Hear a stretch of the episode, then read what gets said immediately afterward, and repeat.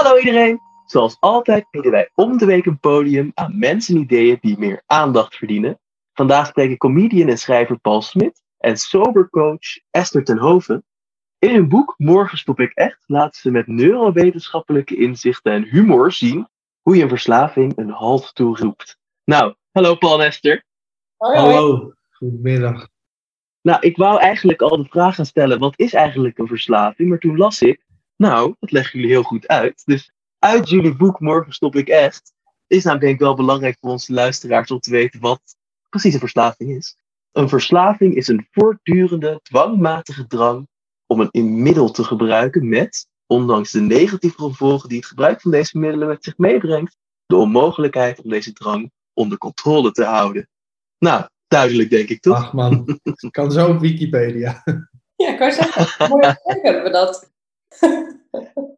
Hey, nou, en dus eigenlijk, nou, we weten al wat verslaving is, maar er zit nog veel meer achter. Daar gaan we het sowieso over hebben. Maar laten we eerst even dus eh, kijken naar het boek zelf. Want dus in jullie boek speelt de vraag, hoe komt het dat ik dus, ondanks dat ik weet dat het me geen goed doet, er toch door mee blijf gaan? Dat we jullie het zelf zeggen. Nou, daar gaan wij dus hopelijk in ieder geval een beetje een antwoord op geven. De rest mogen de luisteraars zelf lezen. Maar eigenlijk de eerste vraag die bij mij opkomt als we het over verslaving hebben, is dat het lijkt alsof sommige mensen gewoon aanleg voor verslaving hebben. En dan zou het voor mij een beetje nou ja, moeilijk voelen om te stoppen, als het ware. Als je gewoon weet, ja, mijn opa, mijn vader, mijn overgrootopa, allemaal waren ze aan alcohol bijvoorbeeld verslaafd. Wat moest je dan? Op zich is dat wel waar. Kijk, als jouw ouders graag lusten bijvoorbeeld, dan heb je dat natuurlijk als kind heel veel gezien. En is de kans heel groot dat als jij in de problemen komt of in ernstige emotionele disbalans, dat je dan eerder dat kopingsmechanisme kiest. Maar als jij ouders hebt die bijvoorbeeld, als jij vader hebt die 80 uur per week werkte, dan is het aannemelijker dat je dat gaat kopiëren. Dus dat is zeker wel iets voor te zeggen. Alleen is er nog steeds wel een oorzaak nodig om het te gebruiken. Dus het is niet zo van, nou, mijn vader is alcoholist geweest, bij mijn leven gaat alles helemaal goed. Dus ik word automatisch alcoholist. Zo is het naar mijn mening niet. Nee, dus je kunt, de, de genetische aanleg is ongeveer 50%. Dus al, dat zit gewoon in je DNA dat je, daar, dat je verslavingsgevoeliger bent. Vaak mensen ook met meer dopamine. Maar ja, als je in de juiste omstandigheden bent, leidt dat dus niet naar verslaving. Maar als inderdaad ook nog alles om jou heen, jouw hele opvoeding, zoals Esther zegt, is. En ook je hele sociale groep, dat gewoon drank standaard is. Ja, dat zien wij in die 40-daagse challenge ook. Dat sommige mensen zijn gewoon gedoemd te falen. Ja. Oh, nou, nou, maar gedoemd te falen. Jullie geven goede tips hoe we hiermee uh, nou, om kunnen springen om het toch nou, te laten slagen. En ik vind het dus ook wel interessant om te horen dat het dus ook weer het is dat nature-nurture debat een beetje. En eigenlijk lijkt het dus nu op dat het een beetje 50-50 is. Dus zeg maar, iemand die nul familieaanleg heeft, kan nog steeds zeg maar, Ja. verslaafd raken. En dus andersom. Iemand die alle aanleg heeft, maar nul in zijn nature, kan nog steeds nou ja, het aanleren, zoals het ware. Nou, jammer, ergens toch? Nou ja, we moeten niet vergeten dat alcohol en ook alle andere drugs gewoon, een heel, gewoon op zichzelf een heel verslavende stof is. Dus kijk, als je die gevoeligheid maar een beetje hebt, dan is de kans inderdaad best wel groot dat als het voor jou op het juiste moment komt, dat het ineens een soort afhankelijkheid teweeg kan brengen. Terwijl er zijn heel veel mensen die drinken hun hele leven gematigd en er gebeurt één ding. Ze komen in een burn-out of een scheiding of ze hebben een crisis in hun leven. Dan ineens wordt dat stemmetje wel aangesproken, zeg maar. Dus het is ook niet, niet per definitie zo dat iemand nooit sociaal heeft kunnen drinken of zo. Dat is ook de misvatting die ik wel eens hoor. Ja, daarbij komt natuurlijk dat we, we zijn allemaal verslaafd. Niet aan alcohol, maar aan deze apparaatjes bijvoorbeeld. Die doet precies hetzelfde. Hè? Het, is, dus het geeft je even een dopamine shot. Het is van, oeh, leegte in mijn leven. Ah, gelukkig, daar is dat ding. En dan ga je op TikTok en dan verdoof je jezelf in wat. Dus ieder mens doet dat op allerlei manieren. En alcohol is zo'n legitieme drugs in onze samenleving dat het als normaal wordt gezien. En je gaat op het terras zitten, dus drink je alcohol. Maar goed, We hadden ook eh, kunnen gaan blowen op het terras. Dat had ook in de cultuur normaal kunnen zijn. En dat is nog minder schadelijk dan alcohol. Ja, ik zie soms inderdaad ook wel iemand op straat lopen. En dan denk je inderdaad bij blowen toch altijd een beetje van, huh? Maar als er gewoon iemand is die met een biertje rondloopt, dan denk je toch iets minder snel van, ah ja, dat is wel heel erg eigenlijk. Maar dat is eigenlijk heel gek, toch? Dat we bijvoorbeeld dus dingen als roken, dat hebben we allemaal ziek heftige campagnes. En er zitten stickers van dode baby's en verbrande geslachtsdelen op de verpakking. En dan bij drank. Wat als ik, nou, gewoon andere onderzoeken ook gewoon, en jullie boek zegt daar ook wat over, mag geloven, kan drank net zo erg zijn. Het is eigenlijk best apart. Waarom is het zo geaccepteerd, denk je, in onze samenleving? Nou ja, ik denk gewoon omdat die onderzoekers die dat onderzoeken en de wetenschappers die er wat van moeten weten en de mensen die voor de preventie zijn en zo, die lusten zelf ook allemaal een glaasje. Ik denk dat het daar al begint. Omdat het zo normaal is, is het voor die mensen ook zo normaal. Dus komen we daar gewoon liever niet aan, weet je wel? Ook mensen die gewoon één of twee glaasjes drinken om even uit te tunen of zo aan het eind van de dag. Ja, dat is voor die mensen zo belangrijk. Het komt daar gewoon niet aan. Dus ik denk dat het daarom is, omdat iedereen het doet. Dus ook de mensen die ze eigenlijk zouden moeten zeggen, bijvoorbeeld een, noem maar wat, een leverarts of zo, ik verzin maar iets. Die zou eigenlijk moeten zeggen van jongens, drink gewoon helemaal niet. Maar misschien vindt hij zelf dat glaasje ook wel te lekker. Dus dan hou je natuurlijk wel dingen in stand. Het is voor mensen zo'n enorme teddybeer. Het geeft zo'n legitieme, neppe troost eigenlijk. Niet alleen voor ons, maar ook voor die arts, zeg maar, in het ziekenhuis. Snap je? Denk zoiets. Nou, ik vond het namelijk heel grappig aan jullie boek. Want nogmaals, humor speelt een rol. En ik denk dat dat een mooie manier is om een goede boodschap over te brengen. Eigenlijk beginnen jullie het boek namelijk, ja, dat is echt het boek, niet de inleiding, maar uh, met een ode aan alcohol. En dat vind ik een heel interessante start voor een boek dat eigenlijk dit vertelt. En dat brengen jullie daarna ook wel. Maar uh, toch, ja, het is eigenlijk best wel, het is ook wel fijn. Heel veel drugs is fijn, laten we dat niet ontkennen. En ik heb met alcohol echt fantastische dingen meegemaakt. Dus ik had het absoluut niet willen missen. Alleen, het, kijk, als alcohol geen enkele schade zou toebrengen aan mijn geest en mijn lichaam, dan dronk ik waarschijnlijk iedere dag gewoon om het leven. Jee, superleuk. Daar zou je ook wel weer aan wennen, maar dat is een ander verhaal. Alleen, het heeft natuurlijk op een gegeven moment, het eist een tol gewoon. Want het is, nou ja goed, dat staat ook in het boek. Het is super slecht voor je brein, voor je lichaam, voor je mentale gesteldheid. Je hebt steeds meer nodig voor hetzelfde effect. Dus het is een doodlopende weg. En wat wij ook zien in die challenge, dat mensen die op een gegeven moment echt helemaal vast zijn gelopen, die maken de meeste kans om er vanaf te komen. Je moet gewoon heel veel ellende meemaken. En dan is er zo'n urgentie. Althans, ik spreek voor mezelf. Ik was op een gegeven moment echt zo zat. Dat ik dacht, en, nu kap ik ermee. En nou, dat heeft Esther, die, die was nog meer pro in drinken dan ik. Ja, het was gewoon echt. En ik had het daarvoor ook al vier of vijf keer geprobeerd hoor. Het was bij mij niet de eerste keer. Maar op een gegeven moment is, ja, is die bodem gewoon echt bereikt of zo. En dan kan je alleen nog maar omhoog, zeg maar. Dat, dat idee een beetje. Ja, toch wel weer verschrikkelijk eigenlijk. En ik vind dat heel menselijk toch ook wel weer. Dat wij dus echt de bodem moeten bereiken. Echt rock bottom moeten raken. Voordat we zoiets fatalistisch als dus alcohol pas los kunnen laten. Want we weten allemaal hier. Ik zag zelfs dat het een grotere kans op borstkanker geeft bij vrouwen. Nou, dat vind ik heftig om te horen. Dat is verschrikkelijk. En dat ja, als je dan je glaasje laat staan, is dat niet zo. Nogmaals, ja, ik heb zelf geen ervaring met verslaving, dus ik kan maar makkelijk praten. Excuus voor de mensen die zich daar gaan ergeren. Jullie maken nu een mooi brugje, denk ik, naar ja, het boek zelf. Hè? Want jullie stellen eigenlijk drie centrale vragen. En door die te beantwoorden, het uh, brein speelt bijvoorbeeld een grote rol in. Eigenlijk de grootste rol in. Gaan jullie gewoon met dit onderwerp te werken. En die drie vragen zijn dus, hoe werkt het brein als je wilt stoppen? Waarom is het zo lastig? En wat moet je doen om een stoppoging te doen slagen? Nou, ik denk dat het een hele goede is, want volgens jullie is dat zelfs de oplossing om nou, te kijken hoe het brein werkt. Jullie geven daar een heel mooi ja, voorbeeld van, een fabriek. Ja, we kunnen ons brein in drie lagen onderverdelen. Dus, is uh, even heel kort gezegd, het reptiele brein, zoogdierbrein en het mensenbrein, de neocortex. En wij doen dat in het boek heel simpel van visualiseren alsof er drie fabrieken in jouw brein zitten. Dus één fabriek, dat is de afdeling routine. Die doet alles iedere dag precies hetzelfde om energie te besparen. Dan is het het zoogdierenbrein, de afdeling plezier. Die scant bij alles. Van levert iets mij plezier op en kan ik pijn en moeite vermijden. dus dat is ook als jij gaat lunchen en, en jouw brein moet scannen, neem ik de bak sla of het broodje kroket. Ja, broodje kroket is meer plezier, dus kies ik dat. En dat geldt dus ook, neem ik een flesje water op het terras of neem ik een biertje biertjes meer plezier, dus kies je dat. Nou, en de derde laag, dat noemen we dan het mensenbrein, dat is de afdeling planning. Dat is het deel wat logisch kan denken en kan denken, laat ik maar geen bier drinken, want dat is schadelijk, et cetera. Alleen, daar werkt maar één persoon en bij die andere twee afdelingen werken 100 mensen. Dus 50, 50, 1. Dus dat houdt in, als jij gaat zeggen, en nu stop ik met drinken, dan zegt jouw neocortex, ik stop. Maar die oudere twee delen, ja, dat is gewoon 100 personen zeg maar tegen één. Dus dat hou je 1, 2, 3, soms vier dagen vol. En dan word je gewoon weer overroeld door je oudere brein, als het ware. Dus we leggen dat een beetje speels uit op die manier. Zodat mensen snappen dat als je op 1 januari zegt: Nu ga ik afvallen, nu ga ik naar de sportschool, nu stop ik met drinken, nu stop ik met roken. Dat denk je rationeel wel. Alleen die wilskracht die je denkt te hebben, daar ga je het niet mee redden. Maar dat vind ik nog wel interessant namelijk. Waarom zit dit zo raar eigenlijk ingebakken? Het heeft met dopamine te maken, toch? Dat las ik ook alweer ergens in jullie boek. Voor een deel dat dat bepaalt, dus vind ik dit heel chill.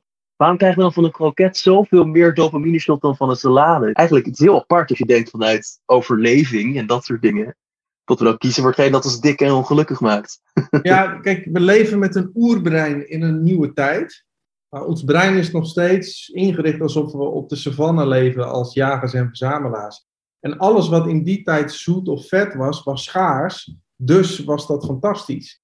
En dus als jij al iets vond dat vet was of zoet, dan at je dat toen in één keer op. Want je kon je eten toch niet bewaren. En dat zit er nog steeds ingebakken. Dus als je in de supermarkt staat, denkt je oerbrein, wow, onbeperkt veel uh, zoet en vet. En, uh, dus dat kopen we en daardoor heeft meer dan de helft van de mensen uh, overgewicht. En dat is niet omdat we slappelingen zijn, dat is een mismatch tussen het oerbrein en de supermarkt. Ah, wat stom eigenlijk weer, maar dus wel eigenlijk heel logisch. Ik heb zelf ook een vogel als huisdier.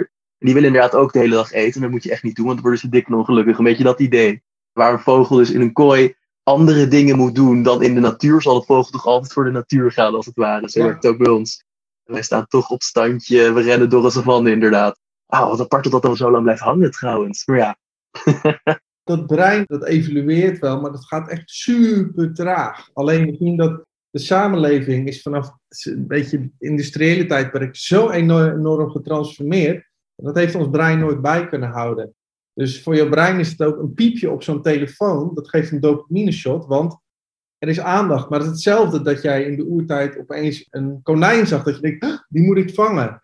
Alleen als je 300 piepjes hebt, is het voor je brein alsof je 300 keer een konijn gaat vangen. En uh, ja, dat word je niet, uh, worden we niet heel veel beter van. Daar gaan we ook zeker niet minder van drinken ook. Ja, nee, dat snap ik. Jeetje, wat verschrikkelijk zeg. Want Hierbij speelt ook, dat las ik in jullie boek, een rol routine, toch? Dat zit ook een beetje op datzelfde plekje. Heeft dat dan dus iets meer voor mij ook te maken met dus die overleving weer, toch? Ja. Alles wat je doet vanuit de routine bespaart energie. Dus dat houdt ook in dat toen jij vanochtend wakker werd, op dat moment gaat jouw brein niet rationeel nadenken van, goh, wat zal ik vandaag eens allemaal qua processen, opbouw doen in de dag? Nee, ik ook, ik word wakker, dan pak ik een glas water, dan neem ik mijn kop koffie, dan ga ik altijd aan dezelfde tafel zitten dus wat je dagelijks doet is zo gebaseerd op vaste patronen. En dat is heel handig, want dan bespaar je energie. Maar dit geldt dus ook als het s'avonds acht uur is en je drinkt altijd een wijntje, dan gaat gewoon de Pavlov-reactie acht uur wijn. En om dat eruit te krijgen, dat is echt wel een. Uh, daar heb je echt ons boek voor nodig. Ja, want daar focussen we wel echt op. Dus niet op die neocortex om het aan te pakken, maar echt gelijk naar dat oerbrein te gaan. Want als het daar verandert, ja, dan heb je gewoon een duurzame verandering te pakken. Aan de voorkant, ja, dat is allemaal leuk bedacht, maar wij fietsen eigenlijk gelijk door naar achter, bij wijze van spreken, omdat dat veel duurzamer is. Ja, dus je moet je niet naar de ene man keren, zeg maar, als er een uh, staking of wat dan ook is. Je moet in de grote groep blijven natuurlijk, ja. ja. Anders werkt het niet. Ook zo overschat, die wilskracht. Hadden we het laatst nog over, Paul. We, we, denken dat we zoveel zelf bepalen en zoveel wilskracht hebben. Van ja, dit, ga, dit klusje ga ik helemaal klaren. Maar je hebt er zo weinig over te vertellen. Ja, dat leggen we in het boek inderdaad met een knipoog en een beetje humor uit. Van ja, eigenlijk alles wat jij bedenkt, op hoop van zegen, zeg maar. Dat het de uitkomst ook zo is. Ja, grappig is dat wel. Ja, nou, het is ook wel mooi dat jullie dat even duidelijk maken. Want ik denk dat zeker inderdaad, daar komen we straks ook hopelijk nog wel een beetje op nou, dat jullie boek inderdaad heel mooi uitleggen. Jullie hebben ook trouwens gewoon echt een handig boekje ook. Voor kruidschap. Wat gewoon in je achterzak is voor dit soort dingen. Maar ja, dus jullie leggen inderdaad heel mooi uit. Nou, wat, wat het idee erachter is. En ik denk dat dat zeker helpt. Ja, ik ga het ook voor andere dingen ook gebruiken, denk ik. Maar ik denk wel dat we nog een stopje hebben te maken voordat we dan doorgaan naar. Want dit is het reptiele brein trouwens, toch? Routine dan, denk ik. Ja. Ja, precies. Oké, nou, dat is dan duidelijk. En dat heeft ook te maken met een zelflerend systeem. Op welke manier? Met alles. Op alles wat je vaak doet, die verbindingen in je brein die worden sterker. Dus dat houdt in als jij leert fietsen, ben je continu bezig om verbindingen in je brein sterker te maken. En dat, het voordeel is dus, als jij eenmaal gitaar hebt leren spelen, kun je voor altijd gitaar spelen. Je kunt niet ontleren. Het kan wel iets zwakker worden, maar het blijft er zitten.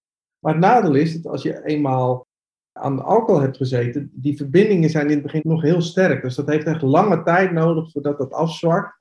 En ik merk bij mezelf, en Jan Geurts die is natuurlijk al veel langer afgekikt. Op een gegeven moment heb je er geen last meer van. Maar je zit er wel mee dat dat zelflerende systeem, dus die verbindingen, die, die schuilen daar nog wel. Ja, ook eigenlijk wel logisch, toch? Het, is, het voelt ook gewoon veilig. Ja. Vertrouwd is ook gewoon lekker of zo. Ik zou het ook fijner vinden. Ja, het is vertrouwd. Ik bedoel, zoals het ook fijn is om bij je moeder te zijn. En ook als je zeg maar ja, 50 bent. Zo is het ook denk ik inderdaad op deze manier fijn. Hey, en dan denk je tot nu het een mooie tijd is om de overstap te maken naar de andere 50 werknemers. Het zoogdierenbrein, plezier. Ja, want dus, dat is dus waarom heet dat eigenlijk dan het zoogdierenbrein en dat andere het reptiele brein? Ik krijg nog helemaal niet gevraagd, denk ik ook wel interessant. Er is volgens mij een neuropsycholoog die heeft ooit die uit de eetzetting gedaan. Zijn naam begint ook met Paul, maar zijn achternaam weet ik niet meer. En kijk, we hebben natuurlijk één brein. Je hebt niet echt drie delen, dat is onzin. Maar we kunnen de functie van het brein onderverdelen in drie lagen. En door dat te doen ga je veel makkelijker je eigen gedrag begrijpen en het gedrag van anderen. En dus we zien inderdaad dat dat gebaseerd op routine is. En we zien ook een systeem, dat limbisch systeem zoals ze het ook noemen, wat continu gericht is. Kan ik pijn en moeite vermijden en kan ik plezier verkrijgen? En dat deel is natuurlijk dol op alcohol.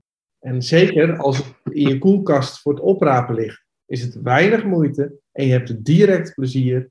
En die instant satisfaction, ja, dat maakt dat je erna gaat grijpen. Ja, hey, en dat vind ik dan wel interessant, want dat vraag ik me ook echt af. Hoe heeft het brein bepaald wat plezier is? Want jij legt er dus wel al uit van de schaarste wat zoetigheid. Maar ja, als je bijvoorbeeld een appelboom vindt en vervolgens, dat is bijvoorbeeld in jullie boek, alleen nog maar die appelboom gaat, op een gegeven moment heeft dat toch ook wel een nadeel. Waarom heeft plezier zo'n belangrijke rol gekregen in ons overlevingsinstinct? Soms moet je nog even doorpakken naar de neocortex luisteren. Ja, maar kijk, ons brein is alleen maar gericht op overleven. Dus die zal nooit tevreden zijn, want op het moment dat hij iets plezierigs heeft, stel er zijn twee eekhoorns. En de eerste eekhoorn vindt een nootje, die denkt, ah heerlijk, eet ik op. En nu ga ik chillen. En de andere eekhoorn denkt, oh lekker, nootje, die eet ik op. Maar ik ga ook op zoek nog naar een volgend nootje. Wie van de twee heeft meer overlevingskans? Dat is degene die toch maar weer op zoek gaat naar nog één. Hans Steeuwen zei ooit: Onze verlangens zijn oneindig. En daar ben ik het mee eens. En het is nooit goed genoeg. En datzelfde geldt dus met drank. Je neemt een drankje, je hebt een dopamine shot. Oh, ik voel me even goed. En dan gaat datzelfde systeem denken: Maar nu wil ik er nog één, en nog één, en nog één. En de, ironie zit erin dat je je brein reset continu. Dus die raakt, laat ik het zo zeggen, heeft steeds meer nodig voor hetzelfde effect. Dus toen ik als 16-jarige twee biertjes dronk, dat effect, dat bereik ik op later leeftijd pas na twee flessen wijn. En dus gaat iemand die verslaafd is, gaat steeds meer drinken om nog maar dat effect te krijgen. En dus daar, je stond af als het ware. Dus je, dat, pleziersysteem in dat zoogdierbrein, dat maak je eigenlijk kapot. Dus hoe ik het eigenlijk zag was, oh wat dom, dan ga je dus alleen maar bij die appelboom zitten en je vol eten. Maar wat het dus eigenlijk is, is, je hebt die ene appel gevonden en dat plezier zet je aan om de volgende appel te zoeken. Ja, nu is dat dus alcohol geworden. Maar het is dus eigenlijk niet per se, nou zeg maar dus dom settelen of doorgaan met gedacht dat je vernietigt. Maar juist je stimuleren om nou, door te pakken als het ware.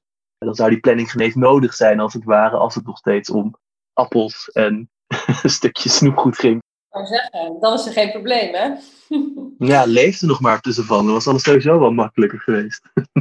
Laten we ook niet hier zo met de computer natuurlijk. Dat is waar. Hadden we ook geen Zoom, dan hadden we niet. Er komt toch wel veel, er komt toch wel veel blijs bij kijken. Maar ja, elk voordeel heeft zijn nadeel. Ja, maar de wereldproblemen van deze tijd zijn alleen maar op te lossen als we met gebruik ook van de technologie meer teruggaan naar hoe wij geprogrammeerd zijn. Dus niet in een blokkendoos leven met twee mensen, dat is voor niemand leuk. Gewoon in groepen van ongeveer 150 communities vormen.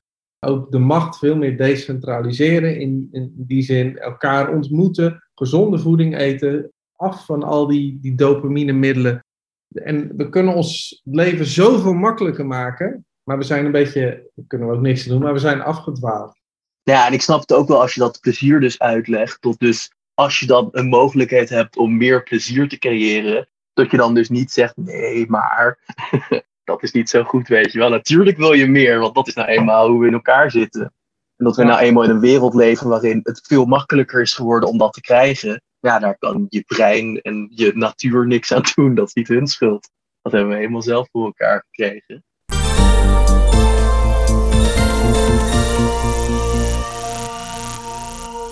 Grappig trouwens, ik doe me denken aan, ik had een keer een ode aangeschreven en dan eigenlijk specifiek aan, wij doen een ode aan, is een segment in het blad waarin we dus nou, een ode brengen aan iets. Waar ik zei eigenlijk, en dat ben ik nog steeds het mee eens, we ons eigenlijk gewoon moeten beseffen dat wij nog steeds op dat oerbrein zitten dus. Dus ook in een veel bredere zin, zoals je ook al zei. Dus als je de hele maar wilt de perfectste persoon en alles moet goed gaan zijn, dat werkt niet, want dat zijn we gewoon niet. Ik denk juist door imperfectie te omarmen, dat we uiteindelijk gelukkig worden. Dus als je gewoon denkt van, ja, weet je wel, we zijn, we zijn eigenlijk zijn we een beetje een ongelukje, de mens. We hebben een veel te groot brein gekregen, maar we zijn eigenlijk nog steeds, nou, deep down toch ook die aap. Die neocortex dus is er opeens bovenop gekwiend. Maar de rest doet het niet eens per se daarnaar. Eigenlijk, ja, ik ben het wel met je eens dat als je dat beseft, dat we dan wel nou, gelukkiger kunnen en zullen worden uiteindelijk. Ja, Elon Musk die zei laatst, die neocortex is er alleen maar zodat die primaire delen van het brein zeggen: hey, als jij nou eens even intelligent gaat doen, kun jij seks voor ons regelen. Ja. dan gaat die neocortex, die gaat van alles doen, een intelligente podcast opnemen en boeken schrijven. En dan, nou, dan, dan heeft hij iets gehad, dan zeggen die oude delen, top. Dankjewel. En dan daarna gooien ze hem weer weg. Dat vond ik wel een, van Elon Musk een hele slimme opmerking. Ja, nou, dat, eh, ja, ik vind het grappig, want dit is, komt ook voor jullie boek natuurlijk zoiets van dat het ook makkelijker is om je verslaving te overwinnen als je lichaam gewoon merkt, hé, hey, hierdoor ga ik me niet kunnen voortplanten. Tot dan opeens, niet of het in één keer opgelost is, maar opeens heb je dan een hele sterke motivatie om te zijn van, ja, dus zodra je lichaam beseft, shit, it's not gonna get us any, dan uh, ook een tip. Ik weet niet wat je ermee moet. als we nou wat meer zouden zeggen, bijvoorbeeld, we omarmen onze imperfectie, wat jij net zo mooi zei, uh, ik denk oprecht dat we dan minder van zulke soort problemen zouden hebben. Als we gewoon wat meer tevreden zouden zijn met het nu en op dit moment. En wat we hebben, wat we niet hebben ook. Ja, dat we dan sowieso een veel rustiger zijn hebben. Dus dat al die middelen en al die bliepjes en dingen en kopingsmechanismen een stuk minder zouden zijn. Dat zou altijd beter zijn. Dat mooi gezegd. Dankjewel. Ik zal trouwens ook de ode onderaan het bericht zetten. Dat ik al bij een vorige podcast ook had gedaan. Dus nu ook weer deze. Kunnen de lezers het zelf lezen. Maar we zijn een beetje afgedaan. Laten we even teruggaan naar ons brein. En dan vind ik vooral dus de neocortex, de laatste van de drie. Dus de underdog toch wel, ook al weet je eigenlijk heel goed hoe het moet zitten. Toch dus, heeft dus deels die uitleg van ons brein is niet helemaal ontwikkeld, maar toch blijft ik het raar vinden waarom planning zoveel minder kracht heeft in dit geval. Waarom hebben we maar één werknemer, nou, neocortex, en honderd anderen die hem tegenspreken? Ja, die, die anderen zijn ten eerste veel ouder. Hè? Dus die hebben zich veel langer kunnen ontwikkelen. En die neocortex is in de evolutie een vrij recent dingetje wat zich is gaan ontwikkelen. En het voordeel in de overleving is dat je met je neocortex kun je eh, plannen. Dus wij kunnen al vooruitdenken. En dat doen dieren natuurlijk veel minder. Van, joh, als wij genoeg eten willen hebben, moeten we zoveel gaan vangen. En dan kunnen we in de community ook huizen bouwen. En dan blijven we zo lang hier. En, dus dat plannen heeft ons een evolutionair voordeel gegeven. Daardoor hebben we ook onze macht misbruikt om al het andere leven op deze planeet volledig met de grond gelijk te maken en als slaven neer te zetten. Hè? Dat zie je wat we met dieren doen. Dus die neocortex, om nog te zeggen dat we er heel veel nuttige dingen mee doen, dat valt ook wel weer mee. Dus het heeft een klein voordeel in onze strijd om het bestaan. Maar die oudere twee delen hebben uiteindelijk gewoon de overhand. Ja, nou eigenlijk ook wel logisch. Ik bedoel, ik snap waarom dus zeg maar fabriek niet zegt, we ontslaan onze ene werknemer. Maar ik snap ook dat ze dus wel altijd voor de makkelijkere zullen kiezen. Dat je niet luistert naar de man die zegt, misschien niet de beste vergelijk, maar dus waarom heel veel bedrijven toch nog steeds nou, heel niet duurzaam bezig zijn. Dat, ja, je hebt één iemand waarschijnlijk die zegt, hey, misschien moeten we stoppen, want over 60 jaar onze kleine, over, over, overgroot kleinkinderen zullen dan in de panari zitten. En dat dan toch het bedrijf zegt, nou, maar ja, ik heb liever nu heel veel geld in plaats van dat we nu de helft ervan opgeven om hier moeite voor te doen. Eigenlijk, nou, de fabriekmetafoor die draagt nog verder door dan je zou denken. Hey, en dan, nou, we hebben dus nu denk ik heel mooi dan, of nou, jullie natuurlijk, kijk hoe alsof ik hier van mee te maken heb, wordt jullie boek dat ik hier aanhaal. Mooi weergegeven hoe ons brein werkt. En dus een eerste stap om te begrijpen, nou, het gaat niet altijd even perfect, dus uh, probeer dat ook niet. Ik denk dat we dat nu dan mooi hebben staan. Laten we ons dan nu gaan focussen op, nou ja, hoe gaan we deze verslaving tegen? We weten nu hoe het werkt, maar ja, daar kunnen we op zichzelf denk ik nog niet zo heel veel mee. Of dus wel, maar nog niet zonder uitleg. Want bijvoorbeeld gewoon nee zeggen, ook een leuk ding om aan te halen. Waarom zeg je niet gewoon nee tegen alcohol? Waarom zeg je gewoon iets vandaag niet? Dat werkt niet, jammer genoeg. Die neocortex, toch? Nou, dat zeggen we natuurlijk wel heel vaak tegen onszelf. Alleen we merken ook dat het vaak niet lukt. Want ja, wat we net hebben uitgelegd, dat is natuurlijk die stemmen in je hoofd, hè? die andere breinen ook, die gedachten, die maken dat het toch ja wordt.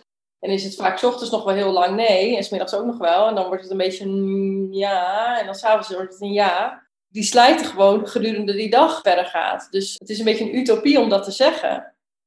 Wat wij in het boek heel erg omschrijven is de methode die wel werkt, die als dan methode om die routines aan te pakken. Kijk, dan heb je wel iets te pakken waarvan we kunnen denken dat heeft zin. Want dan ga je iets aanspreken wat veel meer medewerkers heeft en veel meer te zeggen heeft in ons brein. Ja, dus je biedt een plan eigenlijk. Dus de neocortex biedt een plan aan het rest van het bedrijf waarvan ze wel denken, hey, dat vinden we wel leuk. Die zoekt een beetje de tussenweg, zeg maar. Toen jij dat vertelt, ja, eigenlijk wel. Nou, ik vind dat dit een perfect bruggetje. Laten we hier meteen uh, op overstappen. Als dan. Dat is zeker, jullie hebben een beetje, voor mij is het een beetje een tweedelige oplossing, maar dit is zeker ook een groot deel ervan, de als dan. Want eigenlijk het idee van als dan is volgens mij dat je een probleem in kleine deeltjes opbreekt, toch? Ja, de oorspronkelijke techniek heet implementation intention. Dat is door meer dan 100 studies aangetoond als eigenlijk het beste verandertool. En waar het in gaat, is dat verandering vindt plaats als je in het oudste deel van het brein met kleine stapjes nieuwe routines aanmaakt. Dus als ik s'avonds een fles wijn op de kast heb staan en mijn neocortex of mijn lichaam zegt: hey, ik heb zin in wijn, dan kan mijn neocortex wel proberen te zeggen: nee. Nou, dat lukt hem drie keer en een uur later ga ik die wijn alsnog halen. Die redt dat nooit. Maar ik kan een paar dingen doen. Je moet niet nee zeggen, maar je moet gelijk een vervanging hebben. Dus als ik zin krijg in wijn, dan neem ik een kop thee. En het voordeel is, als ik dan op een gegeven moment drie kop thee op heb, die drijft naar de wijn echt minder. En voor het zoogdierenbrein, wat doe je? Je past je omgeving aan. Dus ik zorg simpelweg dat de wijn niet in huis is. Want dan help ik mijn zoogdierenbrein om niet naar dat plezier te kunnen grijpen. Vandaar dat je je routines moet aanpassen en de omgeving moet aanpassen. En als derde nog je sociale omgeving. Want als jij, dat zien we ook Esther, dat als mensen op zaterdag altijd naar feestjes gaan waar gedronken wordt en cocaïne wordt gesnoven. Ja, als jij nou eenmaal op dat feest bent, ben je verloren. Mensen in het gooi, dat is gewoon cultuur daar. Die beginnen op een dertiende. En daarna ga je over op cocaïne. En dat is gewoon een cultuurtje daar. Ja, zeg geen nee, want dan val je buiten de groep. Het gaat erom dat het zo eenvoudig mogelijk is. Waar het alleen om draait, als je een als dan doet, en dat, als je iets doet vanuit passie, dus je gaat bijvoorbeeld piano spelen, dan geldt dat om jezelf te ontwikkelen, jezelf gaat uitdagen. Dus je gaat continu 5% boven je niveau spelen en dan ga je heel hard groeien. Maar als het gaat om het aanpassen van routines om te drinken, dan maak het juist zo simpel mogelijk. Oké, zo simpel mogelijk. hey, want dat is ook een ander leuk voorbeeld. Ten eerste heb ik dan wel nog de vraag. Als je dan door de supermarkt loopt, heb je diezelfde overgevoeligheid, toch? Dus jij zegt, zet het niet in je huis neer. Maar ja, als je boodschappen moet doen, is, is dat drankschap zeg maar altijd dichtbij. Hoe moet je daar dan mee omgaan? Ik bedoel, je kan je omgeving veranderen, maar sommige stukken zijn niet te veranderen, lijkt me. Nou, ik vind het wel mooi, want hier kan je eigenlijk alles toepassen wat we in het boek hebben geschreven. Dus je kunt zeggen, Als ik door het schap loop met de wijn, dan loop ik door naar de Rivella. Noem maar wat. Dus als ik me daar bevind, loop ik direct door naar een andere plek. Je kunt ook zeggen van, ik doe ochtends boodschappen, want ochtends is je neocortex nog wel aardig aanwezig. Dus dan kan je zeggen, ik ga 's ochtends boodschappen doen, want dan is de kans gewoon ontzettend klein dat die remschijf al gesleten is. Dus dan heb ik gewoon goede kans dat ik het niet meeneem. Want ja, je, moet, je komt wel eens in de supermarkt, tuurlijk. Dus dan is het ook echt weer, als ik naar de supermarkt ga, dan neem ik limonade mee. Als ik naar de supermarkt ga, dan, en je moet niet zeggen, als ik naar de supermarkt ga, dan haal ik geen wijn. Want dat is een beetje hetzelfde in je hoofd als wel wijn. Dus gewoon echt een, andere, een ander alternatief wat je lekker vindt, wat je vaak drinkt, kan drinken, er tegenover zetten. Dus dat is wel een mooi voorbeeld van. Die kom je vaak tegen. Bestaand gedrag moet je gewoon omvormen eigenlijk, toch? Dat is de issue hier. Ja. Nou ja, het is, het is ook bij al die bedrijven waar ik kom, die hebben inderdaad, gaan met hun neocortex twee dagen op de hei zitten. Die gaan allemaal kernwaarden formuleren en protocollen, strategische plannen. En dan hebben ze een prachtig rapport, mooie kaf erom. En er verandert natuurlijk helemaal niks. Want de verandering begint niet bij een Excel-sheet. Nee, je moet in de organisatie samen met je mensen met kleine, concrete stappen gedragspatronen gaan aanpassen. Maar er zijn maar weinig die op dat idee komen. Daarom heb ik het zo druk. Dus laat dat zo. En als ik het dan vertel, zeggen ze: Oh ja, het is eigenlijk zo simpel, hè? Zeg ja, we maken het allemaal veel te moeilijk omdat we in die neocortex geloven. Maar die moet je helemaal niet zo serieus nemen. Oh, toch een beetje zielig. In mijn hoofd is die neocortex al lang weer een zieke underdog, weet je. In de film de man die alles goed zegt en dan toch, toch verliest van een grote organisatie. Maar in ieder geval. Dus we hebben nu dan dus kleine concrete stappen. Want eigenlijk zijn er dus drie punten waaraan je moet werken volgens jullie boek. Kleine concrete stap is daar dus één van, als dan. En dan heb je verder nog emotionele balans en passie of urgentie, toch? En passie hangt voor mij nog wel samen met de stapjes. Dus misschien die dan handig als eerste. Kijk, op het moment dat jij op Tinder zit en je swipe iemand en je denkt, och, die is zo ontzettend mooi. En zij zegt, zullen we over drie weken afspreken op het strand? Nou, dan ontstaat de passie, want je denkt, ja, nu moet ik echt gaan afvallen. Nou, en dan gaat het je lukken om drie weken niks te drinken, omdat daar ergens passie aan vooraf gaat. De meeste mensen die aan ook onze challenge meedoen, doen dat vanuit urgentie. Of je hebt een medisch probleem, of uh, je, er zit een echtscheiding, burn-out, of je, je kotst die alcohol echt helemaal uit. En hoe dieper ze op de bodem liggen, hoe liever wij ze hebben. Want dan is er zo'n urgentie aanwezig dat ze die 40 dagen gaan volhouden. En soms als je denkt, ik ga het eens proberen, dan gaat het je niet lukken. Want dan denk je na dag 20, dan zijpelt die urgentie wat weg. En dan zit je wel op een feestje en denk je, ja, weet je, één drankje, dat maakt niet uit. Nou, en dan zegt Esther, het blijft er nooit bij één. Eén is geen. ah ja, precies. Ik vond het leuk aan het einde van het boek dat jullie ook zeiden. Nou, drinken we nu hier op een wijntje, toch? En dan stoppen we morgen. Uh, echt een beetje semi-gestrest. Hey, maar ik vind het dan wel grappig, hè? dus die urgentie. Nou, grappig. Het is denk ik niet grappig, jammer genoeg. Waarom hebben we die urgentie niet sowieso? We weten nogmaals dus borstkanker, leverziektes. Ik bedoel, dat wordt ons al nou, sinds begin des tijden ingehamerd. Waarom is dat niet genoeg urgentie? Ik heb heel lang gerookt bijvoorbeeld. En ik wist ook echt wel, het is hartstikke slecht voor me.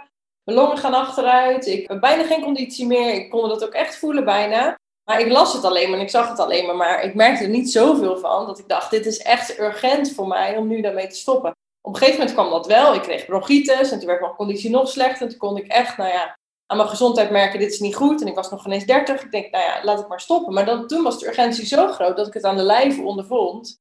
Wat wij heel erg merken is ook mensen die heel erg katers hebben, die elke keer weer heel erg diep in de zelfafwijzing komen, die echt heel diep gaan, ja, dat die die urgentie genoeg voelen. Maar iemand die af en toe een kater heeft, die heel erg is hoor, begrijp ik niet verkeerd, en die op zo'n moment instapt in zo'n challenge, ja, dan kan het wel eens te weinig urgent voor zijn. Wat stom zegt, dus we moeten eigenlijk vol tegen de muur aanlopen, we moeten op de hark stappen, voordat we de hark in de schuur zetten, zeg maar. Jammer genoeg. We zeggen niet gewoon meteen, ik leg hem weg.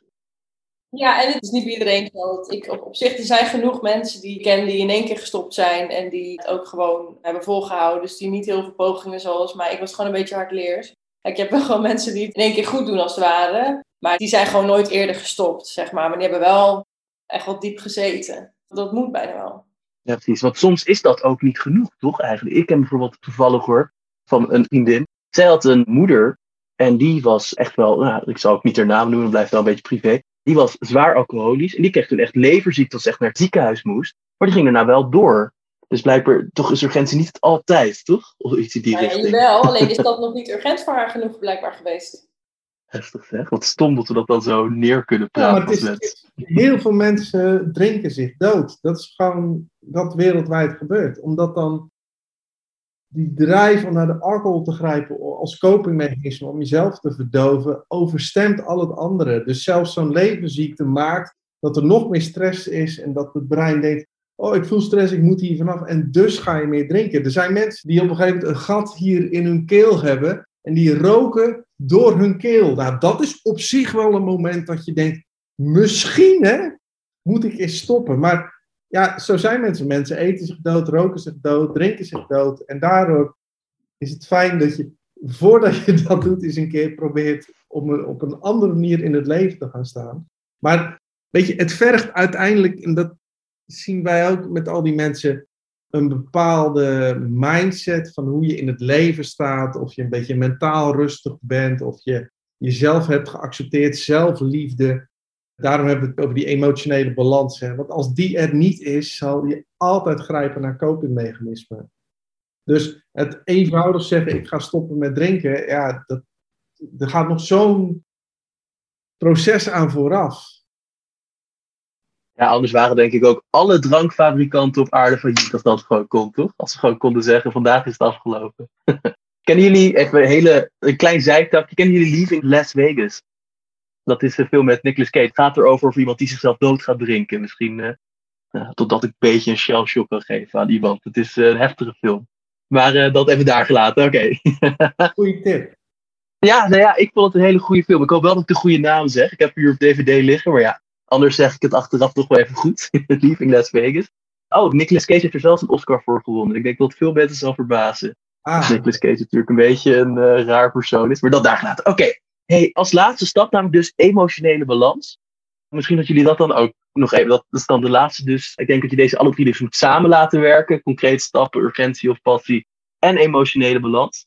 Voor mij heeft emotionele balans bijvoorbeeld te maken met als er voorafgaat aan een verslaving. Ja, dus wat eronder ligt inderdaad aan wat mag er dus niet gevoeld worden. Hè? Dus wat wordt er steeds verdoofd en wat mag er niet zijn en wat mag niet gevoeld worden. Die noemen we inderdaad ook best uitgebreid in het boek, omdat die is echt wel heel belangrijk. Als die niet klopt, zeg maar, ja, dan kan je echt aan alle paarden trekken, maar dan gebeurt er niet zoveel. Het heeft eigenlijk altijd een oorzaak. Ik spreek wel eens mensen die zeggen, nee, ik drink gewoon omdat ik het lekker vind. En ik heb geen reden dat ik drink. Nee, ik word elke dag dronken gewoon omdat ik gewoon heel erg van whisky hou. Nou, weet je, dan, als je dat zegt, ja, dan ben je er zeg maar nog niet helemaal aan toe om daaraan te werken. Want als je je zo slecht voelt, als je jezelf zo'n kater geeft elke keer, als je jezelf zo voorbij gaat eigenlijk, ja, dan moet er wel iets zitten wat niet klopt daaronder. Hè? Dus dan moet er iets zijn waardoor dat destructieve handelen zo aanwezig is. Dus eigenlijk, ik probeer ook wel mensen die ik spreek dat eigenlijk direct een beetje op te zoeken. Want als je dat oplost, als je die oorzaken oplost, als je daarmee aan de slag gaat, ja, dan heb je bijna, dan heb je op dat vlak misschien wel geen kopingsmechanisme meer nodig. Dus dan is die functie van die alcohol, die zo aanwezig was, en die brokkelt dan langzaam af. Kijk, en dan heb je echt een vrijheid. Dan hoef je ook niet meer moeite te doen om nee te zeggen, bijvoorbeeld. Want dan, nee, dat is gewoon niet voor mij. En daar ben ik gelukkig nu. Dat ik ook geen zin meer krijg in alcohol. Dat ik ook niet meer denk van, oh, dat glas rosé wat daar staat, dat zou ik wel lekker vinden. Nee, dat heb ik echt niet meer. En dat komt omdat ik die oorzaak echt wel heb aangepakt van ja, maar waarom komt het nou? En nou ja, die imperfectie waar je het net over had, emotionele balans, als je daarmee aan de slag gaat, ja, eigenlijk is dat drinken maar symptoombestrijding. Ja, wat grappig dus eigenlijk. Dat is verslaving. Ja, simpel is misschien een beetje overdreven, maar nou, redelijk recht door zee lijkt. Ik wil, je drinkt te veel, je doet te veel, nou, cocaïne, je doet te veel dit, je doet te veel dat. Ja. Maar dat is eigenlijk, om het echt aan te kunnen pakken, moet je dus gewoon weten hoe het werkt en waarom het zo werkt, zeg maar. En dus waar het vandaan komt. Ja. Moet je echt terugkijken. Ja, Heel geschiktkundig eigenlijk. ja, want het is op zich ook heel logisch natuurlijk. Ik denk, weet je, zoals die mensen ook die zeggen, ja, ik vind het gewoon lekker. En ik, ja, die kaarten zijn wel veel, maar ik vind het gewoon lekker. Ja, dat is nog een beetje een muurtje, zeg maar. Maar als je daar doorheen kan gaan bij jezelf, ja, dan begint eigenlijk... Ik zeg wel eens tegen mensen, stop nou eens met stoppen, weet je wel. Die zijn altijd aan het stoppen met drinken. Altijd aan het stoppen. En dan vallen ze weer terug in hun ogen. Dan komt er weer een heleboel zelfafwijzing. En dan, oké, ja, oké, urgentie genoeg, we gaan weer stoppen. Nou, dat gaat dan de hele tijd zo door. Ik zeg, laat het eens gaan, weet je. Dat, dat zegt Jan Geurts ook, je mag drinken. Je mag gewoon drinken als jij dat wil. Maar je hoeft het niet meer. En daar wil je eigenlijk naartoe. Mooi zeg. Dan, uh, ik denk dat we nu heel mooi ook alweer dit hebben geschetst. We gaan echt als een uh, trein door heel veel stof. Ik was van tevoren echt nog een beetje bang van, nou, hoe gaan we dit allemaal behandelen? Maar we doen denk ik een goede job. Uh, want als laatste dus, ik heb me net al een beetje naar voren geschoven, laten we daar dan mee afsluiten. Want eigenlijk het tweede deel van hoe je moet stoppen, is dus die sociale druk eigenlijk, nou ja, in ieder geval je beseffen dat die er is en er proberen mee om te gaan. Uh, jullie stellen drie vragen. Wat drink je, met wie drink je en waar drink je, toch? Ja, en op het moment dat je op het feestje bent, moet je wel heel sterk in je schoenen staan om niet mee te doen met de club. Dus ik kies er gewoon af en toe voor om van tevoren al ergens niet naartoe te gaan. En dat maakt het een stuk makkelijker. En ik moet ook zeggen, als ik terugkijk, heb ik mezelf best wel verdoofd op verjaardagen en dat ik bij mensen was, dat ik nu denk, ja, maar als ik het gewoon niet leuk vind om bij die mensen te zijn en alleen maar met alcohol, dan kan ik misschien eens een keer andere keuzes maken. Dat ik bepaalde mensen eens een keer laat voor wat het is. Want heel vaak maken wij bijeenkomsten en ontmoetingen chemisch leuker dan dat ze zijn. Ja, dus eigenlijk de grap is, want dat las ik ook gewoon in jullie boek af. Eigenlijk is sociale druk gewoon op geen enkele wijze goed. Want ook als mensen tegen je zeggen: Oh, je bent stop, want het is zo slecht voor je dan ga je in de verdediging. En dus als je bent met mensen die juist zo makkelijk zijn over drinken, schaam je je een beetje, als het ware. Zo noemde je dat in het boek dat je eerste keer een muntthee bestelt en dan toch zegt, als ook al iedereen om je heen naar je kijkt van waarom bestel je muntthee? Nou, dan toch maar een biertje, weet je wel. En dan is het natuurlijk weer het wiel eraf, als het ware. Ja. ja. Het is ook wel lastig voor aan het begin, want wij zeggen aan het begin ook wel, ga gewoon even niet naar dat feestje toe. Of, of zoek even niet je stamkroeg op, want dat, hè, we moeten de kat niet op het spek binden, dat idee. Maar alcohol verbroedert ook heel erg. Ik sprak laatst iemand die zei: Ja, maar ik heb een beste vriendin en ik drink altijd met haar. En als we gaan drinken, dan hebben we een soort van chemische band alsof we weer veertien zijn. En dan houden we elkaars haar vast boven de toiletpot. Weet je wel, echt van die hele nostalgische dingen. Zeg: Ik wil het gewoon niet kwijt met haar. Ik zeg: Ja, oké, maar niet drinken verbroedert ook als je in een gezelschap bent waar heel veel gedronken wordt. Dus als je met z'n tweeën niet drinkt, maar heel veel andere mensen wel drinken, dan heb je ook dat stiekem met z'n tweeën. Dus je kan het ook omdraaien, zeg maar. Maar het is altijd fijn als je een buddy hebt daarin. Als je toch gaat, dat je iemand hebt die, nou, die hoeft niet hetzelfde door te maken, maar die gewoon ook geen alcohol drinkt. Dus dat je met z'n tweeën op dezelfde planeet blijft, terwijl de rest allemaal naar een andere planeet vliegt op een gegeven moment, weet je wel. Want dat is wat er gebeurt. Ja, dus eigenlijk is het weer een gevalletje dat dus bij alles, want dat merk heel erg aan dit, is dat eigenlijk hetgene dat het veroorzaakt, dat het zo erg maakt, dat zo verschrikkelijk is, kan juist ook op dezelfde manier worden gebruikt om de oplossing te bieden, toch? Dus ja, sociale druk kan je dat doen. Het brein kan je dus ook aanzetten van maak nou plezier als ik het niet doe. Dus eigenlijk, dat is wel mooi, dat door eigenlijk dus te omarmen wat er misgaat, komen we eigenlijk verder dan door maar te denken, te slecht, ik negeer het nooit meer. Dus ook vandaar dat het begint met waarom alcohol zo leuk is eigenlijk, want dat laat ook weer zien, ja, Weet je wel, je moet ook gewoon, ja, als je begrijpt hoe het zit, dan werkt het ook beter of zo, toch? Nou, heel mooi. Hey, en ik vond nog een mooie afsluiter, hoe jullie dat zelf zeggen, ook weer eigenlijk hetzelfde principe, dat je brein flexibel is. Dus waar je brein, ja, dus al snel weer terugvalt in drinken als dat makkelijker is, werkt het ook andersom, toch? Zeker, en dat is het voordeel op het moment. Kijk, het grappige is altijd, nu ben je gestopt, ik drink één keer per maand nog wel eens iets, maar niet meer omdat het moet. Maar het is zo simpel om gewoon niet te drinken. Alleen toen ik nog wel dronk, vond ik het zo complex om te stoppen. Maar als het eenmaal die verbindingen eruit zijn, dan is het gewoon piece of cake. En dat, dan denk je, ja, maar zo moeilijk is het toch allemaal niet. Alleen voordat je daar bent, er zit ergens zo'n overgang, wat, wat ik wel een interessante iets vind. Prachtig. Nou, ik wil jullie echt heel erg bedanken. Ik moet wel zeggen, misschien klinkt niet alsof we al heel veel hebben besproken. Nou, dan moet je echt het boek erbij hebben. Want het boek geeft overal nog nou, meer context aan, meer uitleg. Als ik sommige dingen niet snap, pak het boek erbij. Het is makkelijk te verkrijgen. 9,95, geen geld. Zelfs met de hogere BTW is het toch goed te doen. Ik zal een link zetten ernaar in de linkjessectie van het bericht. En nou, heel erg bedankt. Jij ook? Nou, nu maar hopen dat dit ook voor mijn snoepverslaving wonderen gaat doen.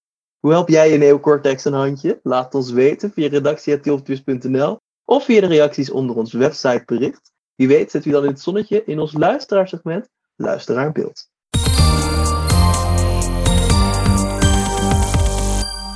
Deze week vertelt Andries kort en krachtig wat hij van de Journey vindt. Ik kan je vertellen, de Journey werkt echt. Het grootste cadeau is mogen deelnemen aan deze geweldige ervaring. Duidelijk iemand die de Journey al een keer heeft geprobeerd. Als dit de eerste podcast is die je van ons hoort, kan je via onze website, Spotify of welke plek je dan ook graag podcast luistert, de hele podcast over de Journey horen, waar dit een reactie op was. In deze podcast vertelt Arnold Timmerman hoe hij problemen oplost die diep in onze cellen zijn opgeslagen, zodat we ons volledige potentieel kunnen bereiken. Ook zou het waarderen als je een positieve review achterlaat op Apple Podcasts. Wij zijn er over twee weken weer, maar in de tussentijd hoef je natuurlijk niet met je duimen te gaan zitten draaien.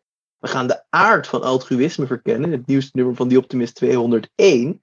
Zo laat kickbox-koning Rico Verhoeven zijn zachte kant zien en vertellen we je hoe je het beste kan doneren.